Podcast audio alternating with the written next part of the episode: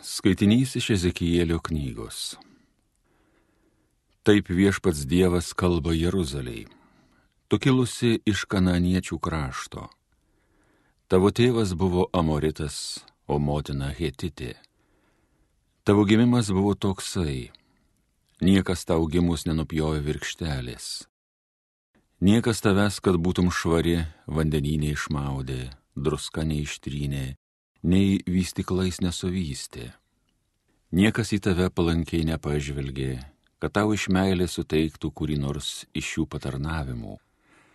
Bet tavo gimimo dieną išmetė tave į atvirą lauką.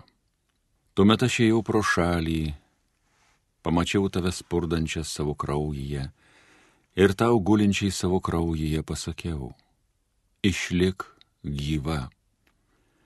Kaip gėliai atvirame lauke aš leidau tau aukti. Ir tu išaugai, pasidarėjai didelį ir atėjai į brendimo metą. Tavo krūtį sustangrėjo, tavo plaukai išaugo vešlus, buvai tu nuoga, visiškai plika. Ir aš eidamas pro šalį tave pastebėjau. Štai buvo atėjęs tavo laikas, meilės metas Tave aš apsiaučiau savo apsausto ir pridengiau tavo nuogumą. Aš tau prisiekiau ir sudariau su tavim sandorą. Tai viešpatie žodis ir tu tapai mano. Aš tave išmaudžiau vandenyje, nuploviau nuo tavęs tavo kraują ir patepiau tave aliejumi. Tave aš aprengiau spalvotais drabužiais, apaviau geriausios odos kurpėmis įsupau į drobę, aprengiau gerais drabužiais. Tave aš išpuošiau papuošalais, tau ant rankų uždėjau apyrankės, o ant kaklo vėrinį. Tau nosinį kabinau puošiamą į žiedą, jausis auskarus, o tau ant galvos aš uždėjau puošnų vainiką. Galėjai puoštis auksų, sidabru, drobę, brangę medžiagą bei margai šaustų audiniu ir valgyti manus, medų ir aliejų.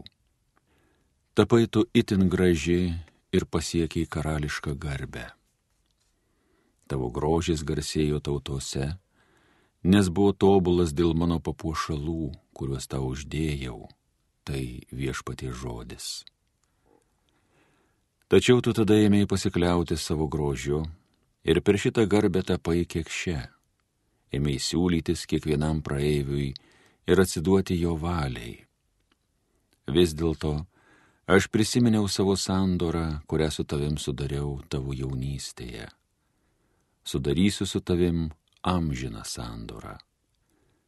Tada turėsi atminti, turėsi gydytis ir išgėdos, nebedrysi atverti burnos, kai atleisiu tau visą, ką esi padariusi. Tai viešpaties Dievo žodis. Tai Dievo žodis.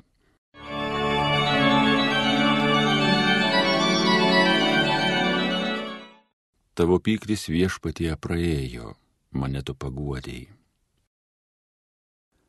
Štai mane gelbėja Dievas, juo pasikliausiu ir nedrebėsiu. Viešpats mano jėga ir stiprybė, jis mane išgelbėjo džiaugdamiesi semsite vandenį iš versmių išganingų. Tavo pyktis viešpatie praėjo, mane tu paguodėjai. Dėkokite viešpačiui, šaukitės jo vardo, skelbkite tautoms didingus jo darbus, aukštinkite jo kilnų į vardą. Tavo pyktis viešpatie praėjo, mane tu paguodėjai. Šlovinkite viešpatį, nuostabių darbų jis padarė. Tegul visa žemė tai žino, džiūgauki krikštauki Zionė, didis tavyje Izraelio šventasis. Tavo pyktis viešpatie praėjo, mane tu paguodėjai. Alleluja.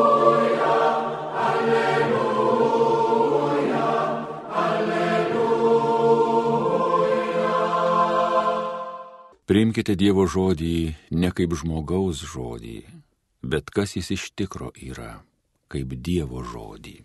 Alleluja, alleluja, alleluja.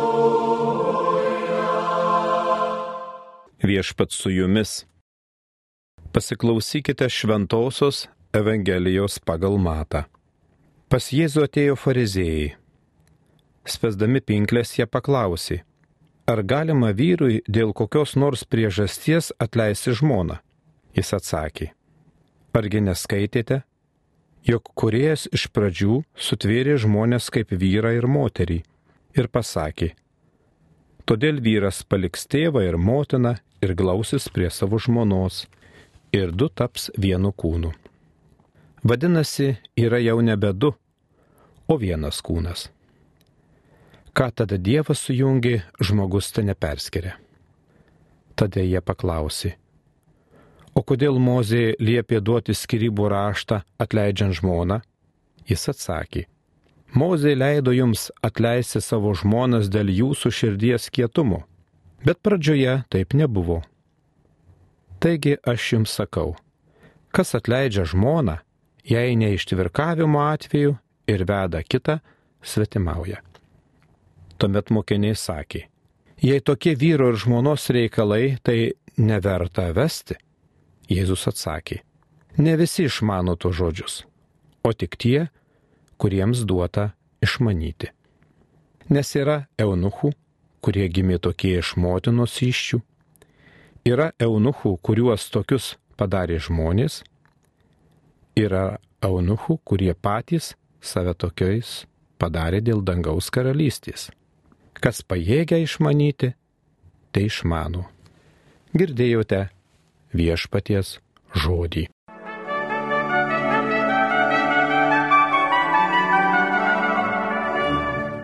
Mėly Marijos radio klausytojai, brangus tikintieji, nekarta Evangelijose skaitome, kad pas Jėzų ateina fariziejai spesdami jam pinklės.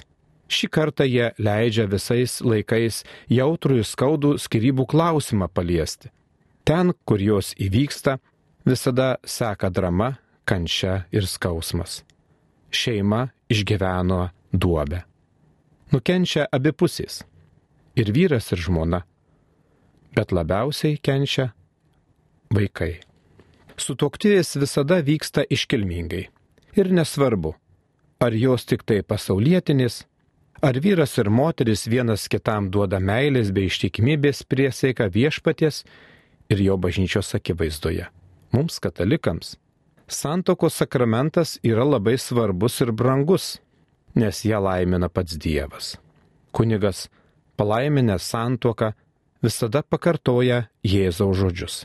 Ką Dievas sujungė, žmogus te neperskiria. Deja, kaip ir visą žmogaus gyvenimą, taip ir santuoka lydi pagundos ir nuodėmi. Nuodėmė santokoje gali pasireikšti ne tik tai neištikimybę, bet ir daugeliu kitų būdų. Nuodėmė įneša į santykių sumaištį bei nepasitikėjimą ir gali padaryti sutuoktinių gyvenimą nepakeliamu ir nepakenčiamu. Evangelistas Matas rašo, kad fariziejai spesdami pinklės Jėzaus paklausė, ar galima vyrui dėl kokios nors priežasties atleisti žmoną. Iš tiesų, šis klausimas yra gudriai surekstas ir klastingas. Jeigu Jėzus pasakytų, kad dėl kokios nors priežasties galima skirtis, fariziejai jį apkaltintų santokos skaistumo niekinimu. O jei Jėzus pasakytų, kad negalima atleisti žmonos, jie tada tautai būtų paskelbę, kad Jėzus yra Mozės įstatymų laužytojas. Nes įstatymas atskiru atveju leido skirybas. Pakartoto įstatymo knygoje skaitome, jei vyras vestų žmoną, su ją gyventų o ji nerastų jo akise malonės, jis parašys skirybų raštą ir paleis ją iš savo namų. Jėzus, pramatęs fariziejų klastą, nesileido į diskusijas. Jis nurodo į įstatymą, kurį pradžioje davė Dievas. Jėzus primena Senąjį testamentą. Argi neskaitėte, jog kuriejas iš pradžių sukūrė žmonės kaip vyrą ir moterį ir pasakė, Todėl vyras paliks tėvą ir motiną ir glausis prie žmonos ir du taps vienu kūnu. Taigi jie jau nebe du, o vienas kūnas. Ką tada Dievas sujungė, žmogus ten neperskiria. O į fariziejų klausimą, kodėl Mozė liepė duoti skirybų raštą atleidžiant žmoną, Jėzus atsakė. Mozė leido jums atleisti savo žmonas dėl jūsų širdies kietumo. Dievai nemielos žmonių skirybos. Tik dėl nuodėmės užkėtintos širdies jis leido Mozei parašyti skirybų nuostatą. Anais laikais hebrajų kalba niekas neturėjo teisės rašyti, išskyrus rašto žinovus. Todėl vyras, norėdamas skirtis, turėdavo ateiti pas rašto žinovą, kad jis surašytų skirybų raštą. Bet jis visuomet pirmiausia bandydavo atkalbinėti žmonės nuo skirybų. Tik jei matydavo, jog tarp sutuoktinių nebėra meilės ir juos yra užvaldžiusi neapykanta, kad jos apakintas žmogaus nepadarytų baisesnių nuodėmių, surašydavo tokį raštą. Mili Marijos radio klausytojai, dažnai girdžiu šiandien sakant, kad abu sutuoktiniai kalti dėl skirybų. Iš dalies tiesa, bet praktiškai taip nėra. Ištvirkavimas, girtavimas bei kitos priklausomybės kurios priveda prie smurtavimo, kitų negatyvių apraiškų, nėra abipusiai kalti. Būtent bažnytinio tribunolo esu narys ir nekarta teko susidurti su įvairiomis skirybų bylomis, susijomis su vyro smurtavimu šeimoje, su vieno kurio nors sutuoktinio neištikimybė. Jei atkreiptume dėmesį, Jėzus leidžia skirybas ištvirkavimo atveju Net ir Evangelijoje girdėjome. Taigi aš jums sakau, kas atleidžia žmoną, jei nedėl ištvirkavimų ir veda kitą svetimauja. Ištvirkavimas išardo ne tik tai su tokiniu kūno vienybę, bet labiausiai perskeria jų širdis ir sielas. Todėl Jėzus liepia saugoti ne tik kūno vienybę, bet ir sielos vienybę. O vyrams jis sako, jūs esate girdėję, jog buvo pasakyta, nesvetimauk. O aš jums sakau, kiekvienas, kuris geidulingai žvelgia į moterį, jau svetimauja savo širdimi. Taigi santuoka yra daugiau nei saugaus ir švelnaus meilės prieglopščio vieta. Santuokoje žmonės susijungia ne vien tam, kad patirtų meilės džiaugsmą. Susituokę jie dalyjasi savo gyvenimu ir vienas kitam save paukoja. Taigi, nuo pradžių yra Dievo nustatyta taip, kad žmogus patyręs ir išmokęs meilės tėvų namuose, iš jų išeina, kad savo meilę atiduotų kitam ir kitiems, dažniausiai savo šeimoje, pakviesdamas į gyvenimą ir auklėdamas vaikus, kad per kartas būtų perdodama nesavanaudiška pasiaukojanti meilė. Nepamenu, Kažkur kažkada tai skaičiau vienos moteriškės laišką, kuri parašė savo vyrui, švenčiant bendro gyvenimo jubiliejų. Ta moteris rašė, ačiū tau, mylimasis, už tai, kad tavo dėka esu laiminga moteris, žmona ir motina. Ačiū tau, kad esu tau vienintelė pasaulyje. Ačiū tau, kad net ir tada, kai visai to nesitikėjau, tu man kartoji, myliu tave. Ačiū už tai, kad esi. Ačiū už tuos nuostabius meilės metus. Tikiuosi, kiekviena moteris ir kiekvienas vyras tokioms progoms norėtų išgirsti iš savo sutuoktinio arba sutuoktinės tokį gražų padėkos laišką. Deja, šiandien vis mažiau sutuoktinių išsaugo šį šventą meilės jausmą. Širdį džiugina laikas nuo laiko senoliai, švesdami savo auksinį sutoktinių jubiliejų. Bet įtikiu, kad jų vaikai, anūkai, žvelgdami į jų laimingą, nugyventą bendrą gyvenimą, seka jų pavyzdžių. Šiandien noriu visoms šeimoms palinkėti. Te vyroja šeimoje meilį. Tesidžiaugia tėvo ir motinos artuma vaikų širdyse ir artimųjų. Amen.